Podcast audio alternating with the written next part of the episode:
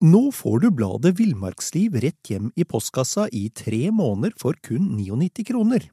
I Villmarksliv kan du lese om norsk natur, ærlige tester av klær og utstyr, og mange gode turtips skrevet av erfarne friluftsfolk, fiskere og jegere. Send SMS VILL36 til 2205 og motta bladet allerede neste uke. Lev livet villere med bladet Villmarksliv. Hey, it's Danny Pellegrino from Everything Iconic. Ready to upgrade your style game without blowing your budget? Check out Quince. They've got all the good stuff shirts and polos, activewear, and fine leather goods, all at 50 to 80% less than other high end brands. And the best part? They're all about safe, ethical, and responsible manufacturing.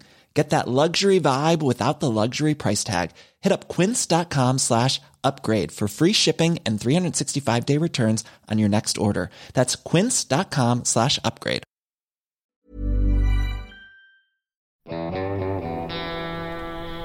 Velkommen til podkasten Villmarksliv. Mitt navn er Knut Brevik, og jeg er redaktør i Villmarksliv, jakt og alt og fiske. Og jeg er Dag Kjelsås, og blant annet så interesserer jeg meg for kveitefiske, Knut, som vi skal Ja. snakke om nå. Ja, du gjør det.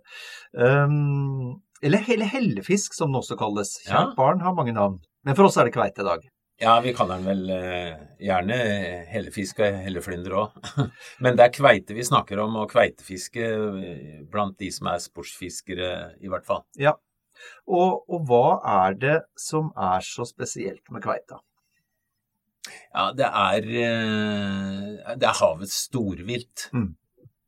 Altså, når du veit at ei kveite faktisk kan bli på 350, kanskje 400 kilo, Mm.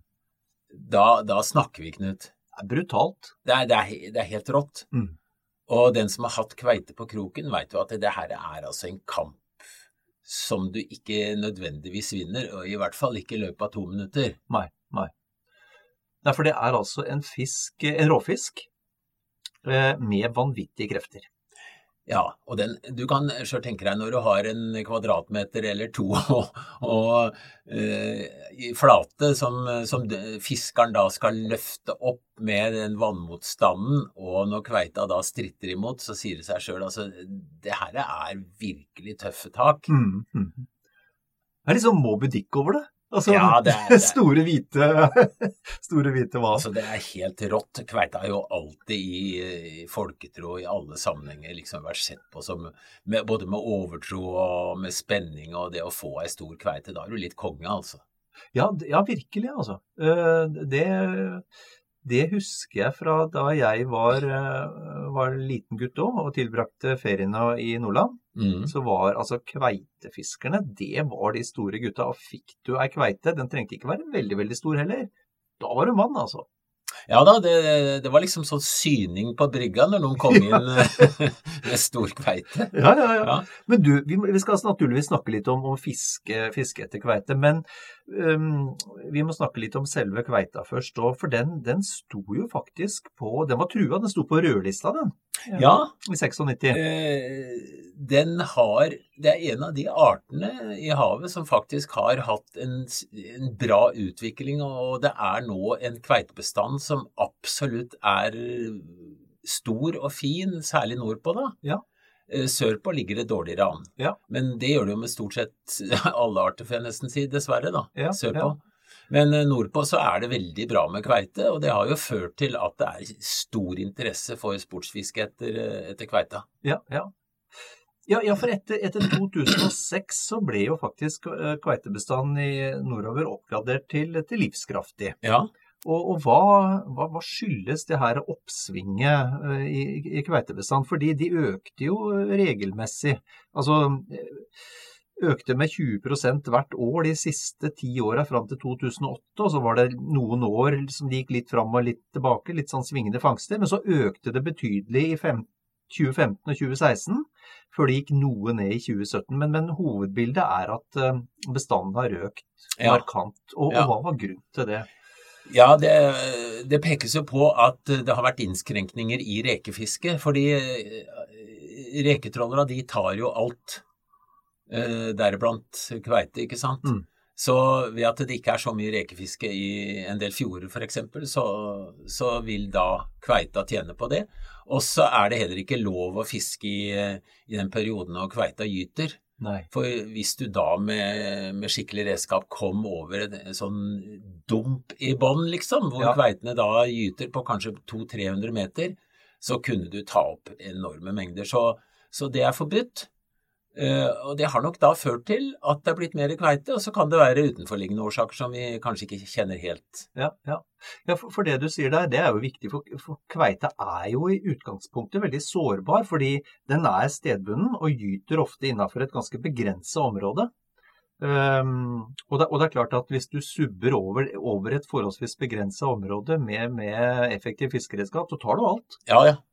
Så Og det har vi slutta med. heldigvis så, så er det da begrensa i iallfall en viss grad i yrkesfisket på kveite, så- sånn at det er blitt bedre bestand. Mm. Og det, det er jo for så vidt nyttig også for yrkesfiskerne, som da kan ta mer kveite eh, innenfor rimelige grenser, da. Og så er det morsomt, merker jeg, når vi snakker om det, morsomt med sånne suksesshistorier òg. At det faktisk er mulig å endre en negativ utvikling og ende opp med positiv bestandsutvikling. Altså, det er jo kjempehyggelig når vi eh, med tårer i øya snakker om hvordan laksen eh, Hvordan skjebnen til laksen i mange elver er. Så, så er det jo hyggelig at det, snakker vi om kveite, så er det faktisk bare positivt nå. Mm. Mm. I hvert fall nordpå, da. Um, du nevnte innledningsvis litt eh, om hvor stor den kunne bli. Eh, hvis jeg ikke husker helt feil, så sa du 350 kilo. Eh, men med norgesrekorden, for eh, Villmarksliv fører jo norgesrekorden på, på sportsfiske. Hvor stor er den, da? Norgesrekorden 223 kilo. Dæven. Eh, Det er bekrefta fisk tatt eh, bare for eh, noen år siden på over 300. Og når, når, vi snakker om stor kveite, det største jeg kjenner til, er ei kveite på rundt 400 kilo, drøyt fire meter. og den er, den er, det er et kveitemuseum i Tranøy kommune, og der er rissa inn da denne fisken. Å, du verden. Og da snakker vi, Knut. Tenk deg mer enn dobbelt så lang som oss. Jeg merker når vi snakker om det nå, at en kveite på 400 kilo hadde ikke jeg nødvendigvis hatt lyst til å ha på noe krok. Eh, du, det, jeg holdt på å si dessverre, så er det en god del sportsfiskere eller, eller eh, fritidsfiskere som har kutta snøret i, i rein skjær frykt Ja. for at båten skal gå ned. For hvis du får på noe du ikke makter eh, å håndtere, så kan det hende du surrer fast snøret i, eh, i båten. Mm. Og plutselig så går toget, og så, og så ser du at eh, oi, nå, nå er det noe som er i ferd med å dra oss ned her. Ja, ja. Så det er en del snører som er kutta, og da kan vi bare drømme om hvor store kveiter folk har hatt på og rett og slett mista. Og det er jo det typiske. Store fisker, de får vi ikke alltid. Nei, For det er også en det er, Nå er det ikke så mange år siden jeg var liten guttunge, da, men jeg husker jo, jeg husker jo at eh, et, et, et råd når, når det en sjelden gang ble Og det var en sjelden gang, faktisk. Men når det en sjelden gang ble tatt en forholdsvis stor kveite, så snakka de gamle alltid om at da måtte man få den inn i båten med kvitsida opp. Ja, For hvis den lå med kvitsida ned, ei stor kveite, så var liksom frykten at han kunne slå ut bordet i båten. ja altså det, det blir eh, eh, Skal vi sammenligne med hvis noen prøver å ta deg, da? Hvis du ligger på ryggen med, med arma ut, da er du ikke så mobil som om du ligger på knea. Nei, nei, For hvitsida, det er jo den sida på kveita som er ned mot bånd. riktig. For kveita har jo begge øya på andre sida. Det, Ja, ja. det er en merkelig fortoning, egentlig. da. Ja. Altså flatfiskene er jo snåle. Ja, ja, ja. Ja. Ok, hvor mye det var i den frykten, det er jeg litt usikker på, men i hvert fall det er voldsomme krefter i en, eh, i en kveite. Og hvor er det vi finner kveita? Ja, eh, som, eh, som jeg har vært inne på, så er det jo mest kveite nordpå. Hvis vi sier fra et drøyt stykke nord for Trondheim og nordover, så eh, Lofoten, Sørøya, det er- kjente kveiteområder. Mm. Eh, og, og der er- kan det faktisk være ganske bra med kveite, sånn at du, du får ikke kveite på hver tur, altså. Det må du aldri tenke. Men, men sjansene for å få kveite, hvis du har med, særlig hvis du har med kjentfolk, er ganske stor. Mm. Mm. Hva slags dyp, da? Ja, det varierer på etter årstid. Eh, kveite er på dypet midt på vinteren, eh, kanskje helt ned til 600-800 meter eh, og den slags, og da er det jo vanskelig å fiske med sportfiskeutstyr, i hvert fall. Ja. Så kommer kveita inn på grunnere områder utover våren. Okay.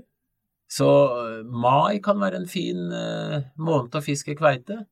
Så hun kommer opp fra dypet og siger innover mot grunnene når det blir Ja, ja. Og, og du, du, finner du, på, du, kan finne kveite på ti meters dyp, og det er jo folk som kan svømme og snorkle og se kveita ligge på bånn om sommeren, ikke sant? Mm, mm. Og der er kveita da til litt utpå høsten, før hun da går på dypet igjen. Så du har en ganske lang fiskesesong, da. Ja. Og så, det er jo artig for oss uh, så, som syns det er greit å, å, fiske under eh, varme forhold, at sommeren er en fin periode for kveitefiske. Ja. Og, og, hva slags type bunn er det, er det vi gjerne finner kveita på, da? Eh, hvis du ser på eh, oversida på kveita, så er hun litt sånn brunaktig flekkete. Eh, og de fleste båndfisker de vil gjerne være kamuflert, så kveita finner du gjerne på, litt, eh, på bunn med litt varierte områder med f.eks. grus av samme farge som, som kveita har oppå. Okay. Eh, og gjerne i nærheten av større områder med sand. Sand, grus og litt tang f.eks. Det kan være en bra blanding. No. Eh, og du, du, vil også det, Hvis jeg skal nevne to gode område for kveite. Det ene er hvis du tenker deg at det er et ganske stort dyp som går opp, og så er det ei lita hylle med eh, sånn bånd som jeg snakker om, kanskje på 30-40 meter. Eh, der kan kveita ligge. Og så kan den variere mellom å gå da kanskje opp på en grunntopp i nærheten hvor, den, hvor hun stikker av med småsei, som kanskje er på bare noen få meter. Og så kan den legge seg på den eh, hylla igjen, og så kan den stikke ned i djupet hvis det passer. Det er et, et, typisk område. Det andre typiske området det er i nærheten av strømmer. Ja. For du veit, vi har, vi har saltstrømmen selvfølgelig, som alle har hørt om. Og det tas jo masse kveite i nærheten av, eller, eller også i saltstrømmen. Mm, mm. Eh, og, og, sånne strømmer har vi jo langs hele kysten. Og dessuten så er det jo strøm med tidevannet også, da. Eh, og, og nær disse strømmene, der er det mye fisk av forskjellig type. Det kan være sei, eh, torsk, eh, mange arter, som, som kveita da beiter på. Mm, mm. Og hun spiser på større dyp, spiser av ur f.eks. Eh, hun har litt variert kost, i, stort sett innen fisk, da. Mm, um, hva, med, hva, med, regler, holdt jeg på å si, i, i, forhold til når du kan fiske? Er det noen begrensninger når du kan fiske kveita? Eh, hun er freda 20.12. til 31.3. sør for den 62 grader nord. Okay. Men det er lov å fiske med krok nord for 62 grader eh, hele året, da. Ok. Eh, så har du en annen regel som jeg syns er veldig fin. Det er at kveite over to meter skal slippes ut igjen. Ja. Og eh, det er jo Når du tenker på da at ei kjempestor kveite faktisk kan ha sju millioner egg, ja. så sier det seg sjøl at de store kveitene betyr mye for å opprettholde bestanden. Opplagt. Eh, så, så, det er fint å slippe ut igjen de store. Og en annen ting er at de store har eh, litt grovt kjøtt som ikke mm. er så egnet til mat som kveiter som er skal vi si, under 40-50 kilo. Mm. Mm. Eh, og så er det da sånn at vi må slippe ut kveite som er under 80 cm. Ok, så der, der har vi minstemål. Ja. ja. Men, og 80 cm er eh, ganske langt, da, bare for å ha sagt det. Så ja. det er verdt å tenke på når du, du syns du har fått en, eh, en, svær fisk, men det er, kan være ei kveite som ikke er lov å ta, rett og slett. Og bare for å få det på det rene, en, en kveite på 80 cm, hvor tung anslagsvis er den? Ja, jeg, jeg, pleier å ha den regelen at eh, hvis jeg, hvis jeg klarer å holde kveita sånn halvveis på strak arm, mm. da er hun for lita i hvert fall. Ok. Eh, det kommer an på hvor sterk du er, da. Du er mye sterkere enn meg, Knut. Ja. men, men, eh, men, altså kveiter på en 6-7 kilo, de bør du slippe ut igjen. Nettopp. Og, og, opp to meter lange kveiter, som du også må slippe ut igjen, hvor, er, de, er de 100 kilo, da, eller? Ja, du, noe rundt, rundt der. Mm. Og så er det et eller annet med det her med uh, hva som er godt å spise også. fordi mange kveitefiskere jeg har snakka med, det, de varierer litt hva de syns er god mat. Men, men, noen sier 25 kilo, andre sier 40 kilo. Uh, hva tenker du? Eh, jeg har ikke, som, som jeg veit om, har jeg ikke spist kveite som har vært over 30 kilo. Eh, og jeg har aldri hatt noe dårlig opplevelse med de jeg har spist, i hvert fall. Eh, når, når, du først snakker om kveite som mat, da, så må jeg nevne det at de, veldig mange har, har, en tendens til å koke i hjel kveita. Ja. det er ingen fisk nesten du må være så forsiktig med. Den skal være nesten glassaktig i kjøttet når du tar den opp fra vannet. Ja. Den skal være så vidt det er at det begynner å, å bli hvitt. Det, det, det, er da kjøttet er best og saftigst. Ja, for tørr kveite er ingen stor opplevelse. Nei, altså vi, vi kan jo fylle på smør og saus og sånne ting, men, ja. men uh, god kveite den er iallfall ikke kokt i hjel. Nei, det har du helt rett i det. Ok, eh, men da skal, vi, da skal vi begynne på det vi har gleda oss til, Dag. Det er ikke noe grunn til å legge skjul på det. Skal vi ljuge? Ja, vi skal ljuge! Og vi skal snakke om kveitefiske. Ja. Um, skal vi starte med Du har jo allerede snakka litt om tidspunktet, så det er avklart. Men skal vi snakke litt om utstyret? Ja, eh, det sier seg sjøl at en sånn fisk, den, den tar du ikke med lesbienutstyr, altså. Nei. Men, men det er jo en god fisker kan fiske kveite på fluestang eller med haspelstang, men, men, vi snakker om solide greier, vel å merke, når det gjelder snøre og kapasitet på snelle. Mm, mm. Men, men, det er mulig. Eh, hvis vi skal tenke på oss vanlige mennesker som ikke driver spesialfiske, mm. så er det snakk om å bruke havfiskesnelle, og den trenger ikke å være kjempestor, for i dag har vi jo disse linene av mange fibre som er utrolig sterke. Så du trenger ikke å ha en tjukkelse på mer enn 0,32-0,40 eh, millimeter. Og Hva kaller vi de linene, Dag? Ja, Jeg kaller det multiline, jeg, fordi det er forskjellige måter å lage dem på. Men det er spunnet eh, eller satt sammen mange tråder til én sterk, da. Ekstremt sterk line. Ja, eh, utrolig sterk. Altså, vi snakker om bruddstykke. Du klarer ikke å dra av hvis det ikke er sår på lina. Nei. Så klarer du ikke med en vanlig fiskestang å dra av den. Nettopp. Ok. Eh, og, og, og havfiskestilla, har du noen tommelfingerregel for hvor mye, mye sene eller mye multiline den bør romme? Ja, Det kommer litt an på hvor du fisker. Hvis du fisker på, på grunner, og mange kveiter tas jo på skal vi si fra 10 til 30 meter faktisk mm. om sommeren, ja. eller, eller våren eller tidlig på høsten, eh, da trenger du mer line selvfølgelig enn det, men, men la meg nå si at du bør minimum ha 200 meter. Det syns jeg kan være en regel. For hvis kveita skjener ut og er stor, mm. så da går det unna. Ja. Da, det går 100 meter i utrasse, liksom, og, og, da bør du ha en del line. Mm, mm.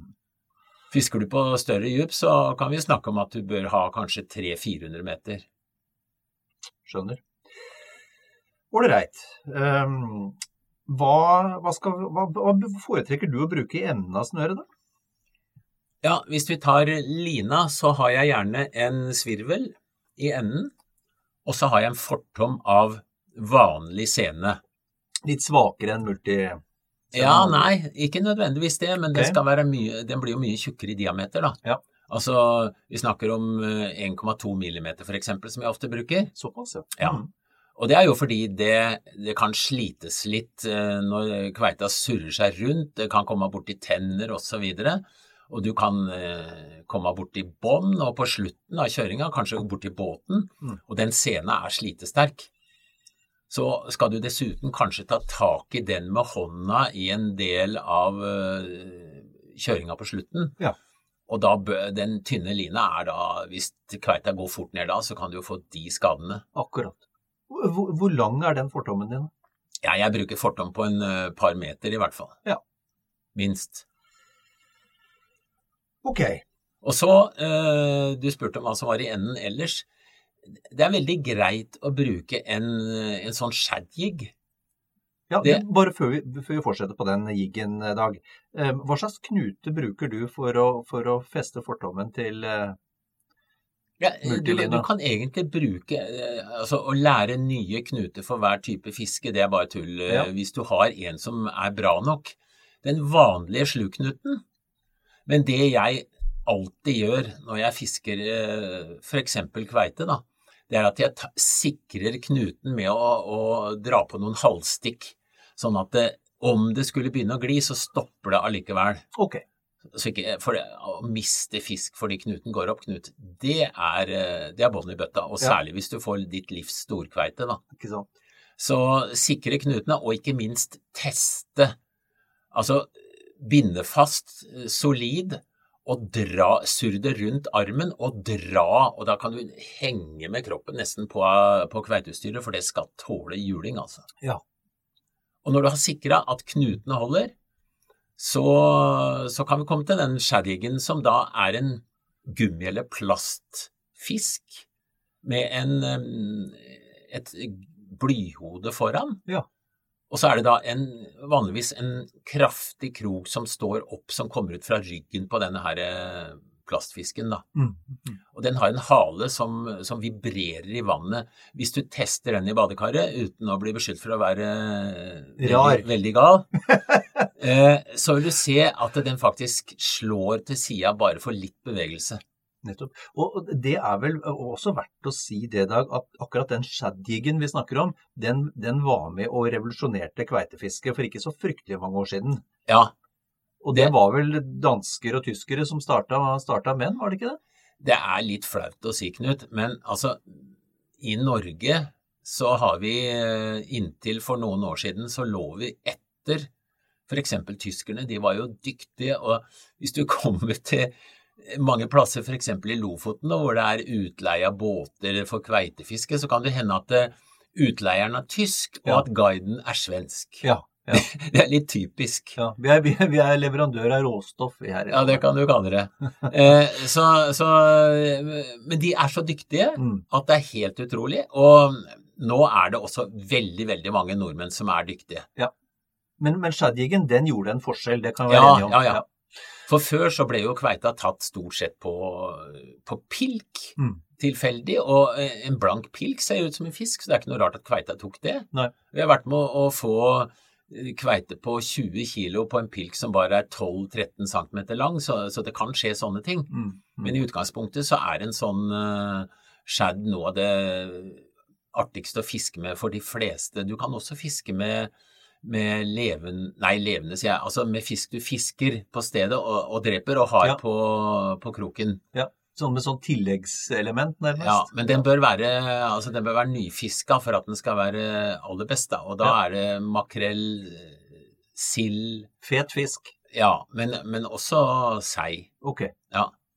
Nei, for den, den, den, den, den jiggen, den Kveite er jo, en, er jo en råfisk av dimensjoner. Og den, den jiggen, den trigger åpenbart et eller annet i kveita, altså. Ja, det er jo Det er litt rart med kveita, for noen ganger så tar det det ene, og noen ganger det andre.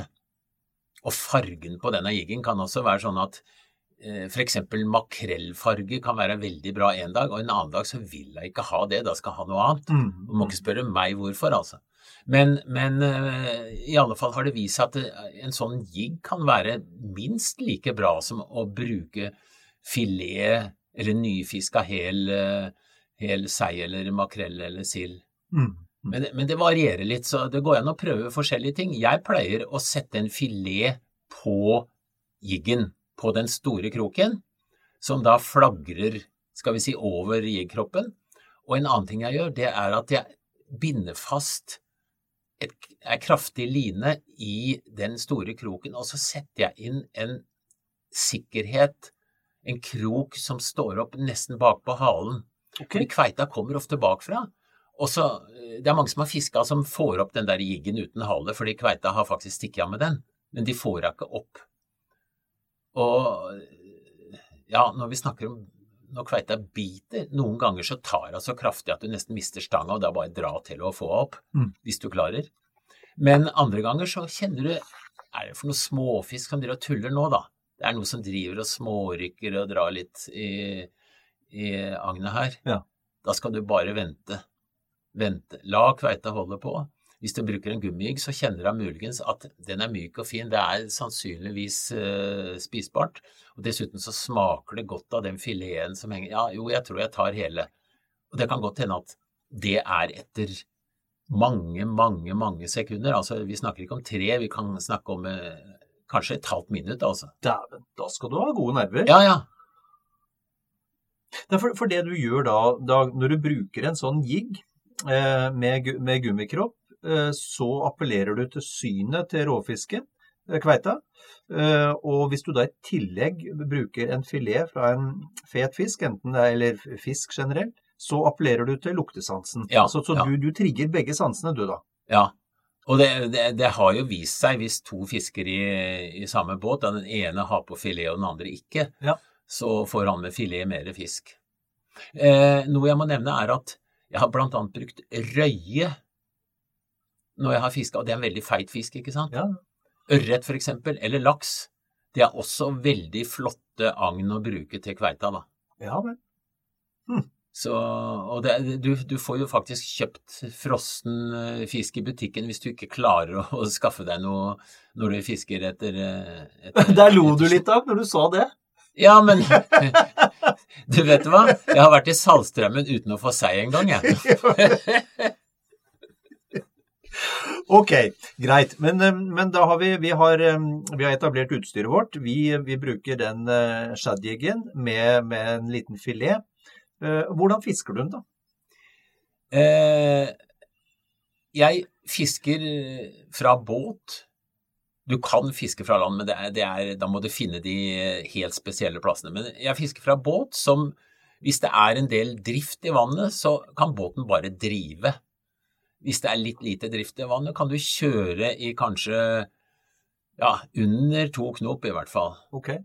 Og så kan du da eh, på en måte dorge, men rett ned mer eller mindre. Eh, ikke helt på bånn. Jeg Si du heiser opp fire meter, da. Ok, og det, hvis du ligger på bånn, for dette er jo en båndfisk, hun ser det altså. Ja, men, men du skjønner, kveita er ikke bare en båndfisk. Kveita varierer mye, men eh, for å få tak i seien f.eks., så må jo kveita opp til seien hvis den går høyere i vannet. Så kveite kan du få i alle vannlagene. Og derfor så kan du variere med å fiske litt over bånd, eller litt under båten og i mellomlaget. Sveive litt opp og ned sakte. Ikke drive og røkke så innmari mye. La heller halen på jeggen gjøre jobben. Det du sier der er kjempespennende, fordi jeg har sett eh, kveite som har eh, jaga fisk helt i overflaten. Og for meg så ser det ut som hun bruker halen sin til å slå dem bevisstløse. Ja, det er noe eh, mange fisker gjør, faktisk. Eh, Noen ganger så ser du ørret. Vak, som ikke er ørreten som tar et insekt, men han slår med halen. Mm, mm. Og eh, jeg har ikke sett kveita gjort det, men det er helt sikkert noe det, som kan skje. For du, har, du, har du sett ei kveite som pisker havet? Det er helt sjukt. Jeg husker en gang vi fikk på ei kveite. Jeg trodde ikke det var kveite, jeg trodde det var en torsk. Så det var ikke jeg som uh, fikk av på, men uh, han andre i båten sveiva opp, og så ser jeg Oi, det er kveite på rundt 20 kilo. Ja. Og jeg hadde ikke kveitekroken klar. Men så lå det en høtt i båten, altså ja. sånn du bruker når du fisker torsk med sånn krok i enden, sånn klubbe liksom. Ja. Og så tenkte jeg ok, vi trenger ei kveite til mat nå, så den der skal vi ta for den er fin spisestørrelse. Mm. Så jeg dælja høtten i nakken på kveita og tenkte jeg skulle dra opp. Fem meter bortover vannet så sto spruten tre meter til værs idet kveita piska med halen, og hvis du hadde blitt treffet av de der, så hadde du nok hatt det litt vondt. Ja, ja. Og så rett ned til bånn. Det er Mm. typisk for kveita. Mm. Eh, hvis du ikke får tatt henne med en gang hun kommer opp, du kan godt ligge litt rolig ved båten, men plutselig så går toget. Ja. Og da er det bare å slakke på bremsen og la snella snurre og snurre, og kveita får lov å gå til bånn igjen, altså. Vi skal, vi, skal, vi skal, komme litt tilbake til landinga i dag. Bare, bare, for å avslutte den biten med, med hun som jager i alle vannlag. så det de, det de, gamle sa, eller sier, det er at når hun er helt i overflaten og, og slår i hjel enten det er hyse eller det er sei ja. med, med, sporen, ja. så, så, sa de gamle at da var hun helt sanseløs av jaktgiver. Så det, hvis de så den type oppførsel, mm. så skyndte de seg ut, så prøv, og så prøvde de å kroke. Ja, ja. For du kom det ganske nært da. Altså, I gamle dager så tok de jo kveite med harpun. Ja, ja. ja, rett og slett. Det var nok så mye kveite. De tror vel det at eh, før vi hadde motor på båtene og i, i veldig, veldig gamle dager, da, mm. at, at, folk faktisk tok kveita mye i overflaten fordi det var så mye kveite. Og så så de det her, og så klarte de å komme på hold og hadde et eller annet redskap så de fikk tak i kveita. da. Mm.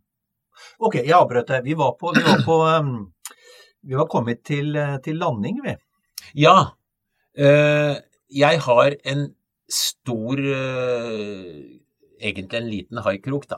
Men det er en kjempestor krok ja. som jeg har bindet sterkt tau i. Det er ikke kjempetjukt, men det er så sterkt at det, det, holder mye. Ja. Og det er en sånn kveitekrok jeg alltid har med meg.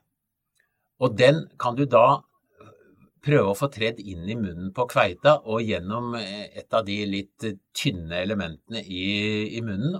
Og for, kjeven er veldig sterk, og da får du festa et tau i kveita. Og da har du sikkert Hvis den ikke får huet under vann, så klarer den ikke å gå ned, ikke sant? Nei, nei. Så da kan du holde den med hendene, da. For det å holde i snøret, det er jo ikke bra. Særlig hvis du kommer i nærheten av en krok, da, så kan du jo få ødelagt deg skikkelig. Ja. Så vi er litt forsiktige med det. Men får vi da sikra kveita med en kveitekrok, da kan vi jo bestemme skal vi slippe den ut igjen eller ikke. Og skal vi, skal vi ta den, så, så, kan du rett og slett da drepe den og ta den om bord i båten. Mm. Noen ganger må du slepe ned til båten fordi den er for stor eller for farlig å ta inn i en småbåt. Mm. Mm. Men eh, mange kveiter blir jo sluppet ut igjen. Ja. For det er jo ikke noe Altså, hvis du fisker kveite hele sommeren, så har du ikke bruk for alle de kveitene du da eventuelt kan ta. Nei, og så har vi jo allerede snakket om at det er noen begrensninger der. Ja, ja. Du faktisk er pålagt å sette ut igjen en del fisk, både hvis de er for små og hvis de er for store. Ja, så, så altså jeg syns fisk rundt 20 kg er kjempebra matfisk. Mm. Og jeg er ikke flau over å ha litt kveite i fryseren som jeg ikke bare spiser dagen etter jeg har fått den, for den er jo svær, det er mye fisk. Så, så vi, vi, skal selvfølgelig spise fangsten også, men vi skal samtidig ha, ha, det ansvaret at vi skal ikke høste mer enn vi trenger. Nei. Men du, det her med å slippe ut i en fisk, det er jo en stor diskusjon. Vi skal ikke ta den nå. Um, veldig mange syns det er noe svineri, og så har du de som syns det er ok. Men det jeg lurer litt på nå, det er når vi setter ut i en kveite når, vi, når, vi, når, fisken er for stor, det er vel forholdsvis sjelden, tenker jeg, men det, men det kan jo skje. Eh, eller den er for liten. Hvordan skal vi oppføre oss for at den fisken i størst mulig grad skal overleve den utsettinga igjen? Med kveita så er det stort sett ikke noe problem, for vi, eh, vi, klarer ikke å løfte om bord de store vi skal sette ut igjen, eller, eller heller ikke de små nødvendigvis, altså. Nei. Eh, det verste som fins, det er jo når du skal filme, ta bilder. 'Å, du må bli med, bestemor, kom du også, så kan vi ta bilde av deg med fisken nå.' Og så til slutt så har vi plaga den fisken, og kanskje fått fiskens overflate i berøring med tørre eh, klær eller hva det nå enn er. Mm. Og da kan vi ødelegge det belegget som beskytter fisken. Og det gjelder ikke bare kveite, det gjelder all fisk. Hold fisken i vannet hvis du skal slippe den ut. Ja. Få ut kroken i vannet og ta bildet akkurat når den er i vannet. Du kan holde den opp litt med hodet og sånn, ja. og slippe den ut igjen da. Det er ikke snakk om noen lang fotosesjon. altså Vi, vi, gjør, vi prøver å gjøre dette forholdsvis uh, jeg, tenker at, jeg, tenker at, du driver ikke og herjer med kveite opp i båten og lar ligge der og slå lenge, og så skal slippe ut igjen. For det, uh, kveita tåler nok en del juling, men, men det er uh, grenser, da. Mm. Er det noe her med utstyret som Altså hvis man ønsker muligheten til å slippe Og det skal man jo uh, slippe ut i en, uh, slippe ut i en kveite. Jeg har hørt om sirkelkroken, blant annet. Hva, altså, hva er det med den? Eh, den er bra. Da, da, fisker vi eh, vanligvis med agn. Okay. For sirkelkroken er en sånn krok som fisken får agnet inn i munnen og skal til å svelge, men så stopper det jo pga. draget i lina, og kroken er forma sånn at han, han, er nesten rund. Mm. Så han glir inn i munnvika, ah. og der fester han seg. Akkurat. Eh, og når vi snakker om det, ha med ei ordentlig tang. Ja. Da tar du tak i kroken, og så gjør du et røkk ned og rundt, Ja. og så får du fri. Eh, jeg vil nok si at av de kveitene jeg har fått på, på Shaddig, så er det de aller fleste er veldig greie å få løs der òg. Okay. Men, men det er ikke bare moro å stikke hånda ned, om du så har tang eller ikke, ned i et digert kveitegap, og så prøve å få fri en krok som sitter eh, bakerst i, i gapet, altså. Nei, så tang er et lurt redskap å ha med seg. Veldig bra. Ålreit. Um, andre ting vi skal tenke på uh, i forhold til det her med gjenutsetting av fisk? Eh, ha kamera klart. Altså, det er ikke noe vits i altså, Å søren, jeg har kamera nedi båten i bånn, jeg er ikke sikker på hvilken sekk og sånn. Ha kamera klart, og så tar du bilder når kveita kommer opp med en gang. Mm, mm, Eller, eller når, når du har sikra den, da. mm. Eh, det, det er iallfall et, et trikk som er ålreit.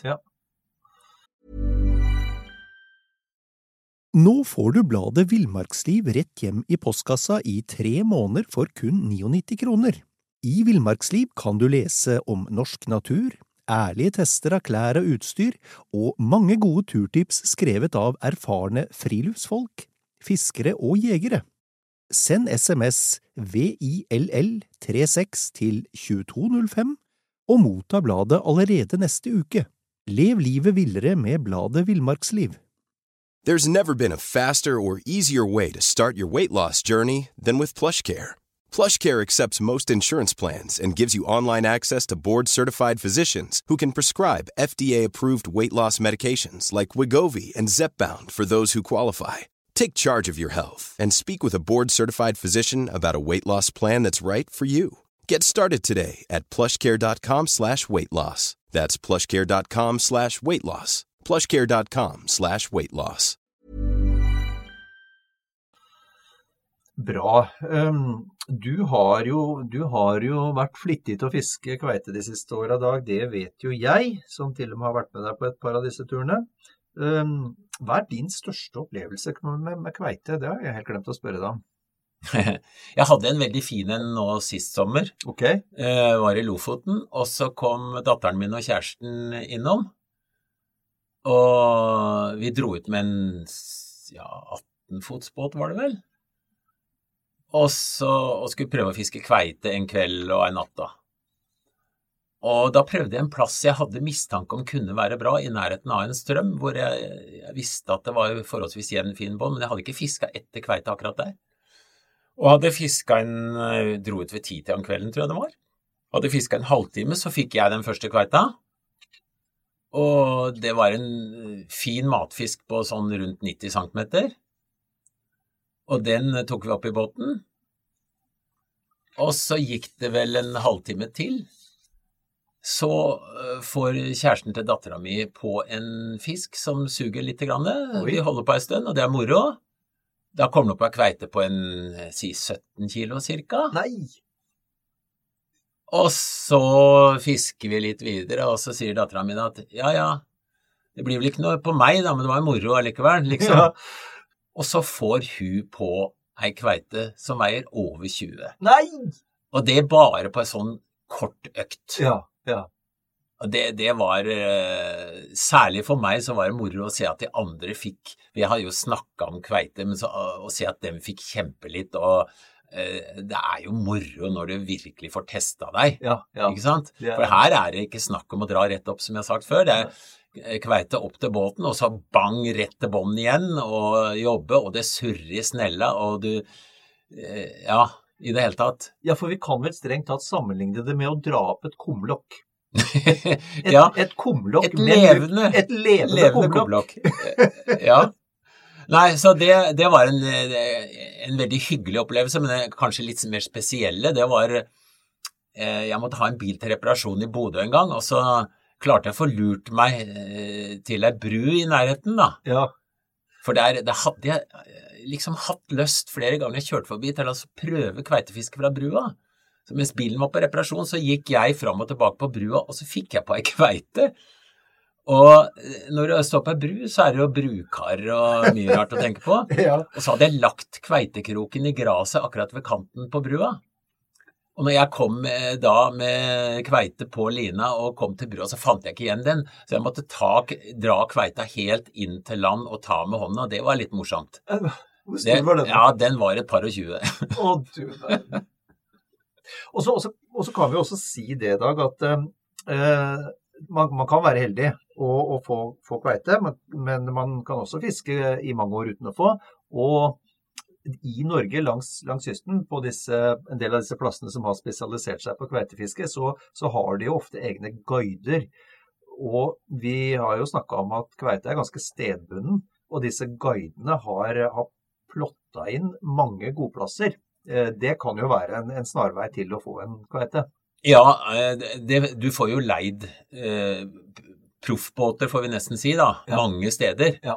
Og ikke tro det at du kan komme der på fredagskvelden og tro at du får leid den fra lørdagen, for da er den bortbestilt til en svenske eller tysker året før. Mm, mm. Så eh, du må bestille på forhånd. Ja. Og så kan du da eh, gjerne se på kartplotteren at det står kryss eller rundinger eller et eller annet Ja. i havet, eh, hvor da de kveitefiskerne før har notert hvor de har fått fisken. Mm.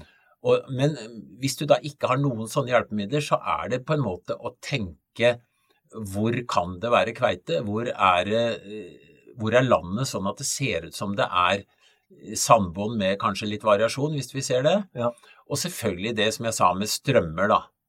Og, og det, det, når strømmen er helt rolig og skal snu, så får du kanskje ikke noe kveite, men det er når strømmen begynner å dra igjen, og f.eks. går ut mot havet, og du legger deg da på utsida der og finner en kant uh, hvor det er passe strøm til at kveita står nedi der og lurer og, og plukker fisk, Mm, mm. så kan du ha fine opplevelser. Men, men du får gjerne råd når du leier båter, eller du får med en guide da, som Ja. selvfølgelig kjenner det. Og da, de er jo så gode, så de vet jo hvor fisken er. Ja, ja.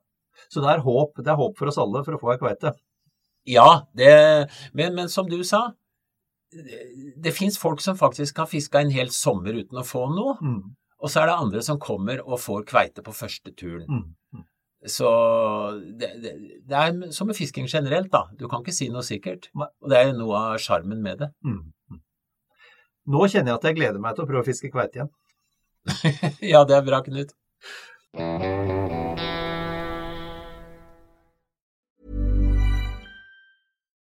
Nå får du bladet Villmarksliv rett hjem i postkassa i tre måneder for kun 99 kroner. I Villmarksliv kan du lese om norsk natur, ærlige tester av klær og utstyr, og mange gode turtips skrevet av erfarne friluftsfolk, fiskere og jegere. Send SMS VILL36 til 2205 og motta bladet allerede neste uke. Lev livet villere med bladet Villmarksliv. Hi, I'm Daniel, founder of Pretty Litter. Did you know cats tend to hide symptoms of sickness and pain? I learned this the hard way after losing my cat, Gingy. So I created Pretty Litter, a health monitoring litter that helps detect early signs of illness by changing colors, saving you money and potentially your cat's life. Pretty Litter is veterinarian developed, and it's the easiest way to keep tabs on your fur baby's health right at home. Go to prettylitter.com and use code ACAST for 20% off your first order and a free cat toy. Terms and conditions apply. See site for details. Mom deserves the best, and there's no better place to shop for Mother's Day than Whole Foods Market. They're your destination for unbeatable savings, from premium gifts to show-stopping flowers and irresistible desserts. Start by saving 33% with Prime on all body care and candles. Then get a 15-stem bunch of tulips for just $9.99 each with Prime. Round out Mom's menu with festive rosé, irresistible berry chantilly cake, and more special treats. Come celebrate Mother's Day at Whole Foods Market.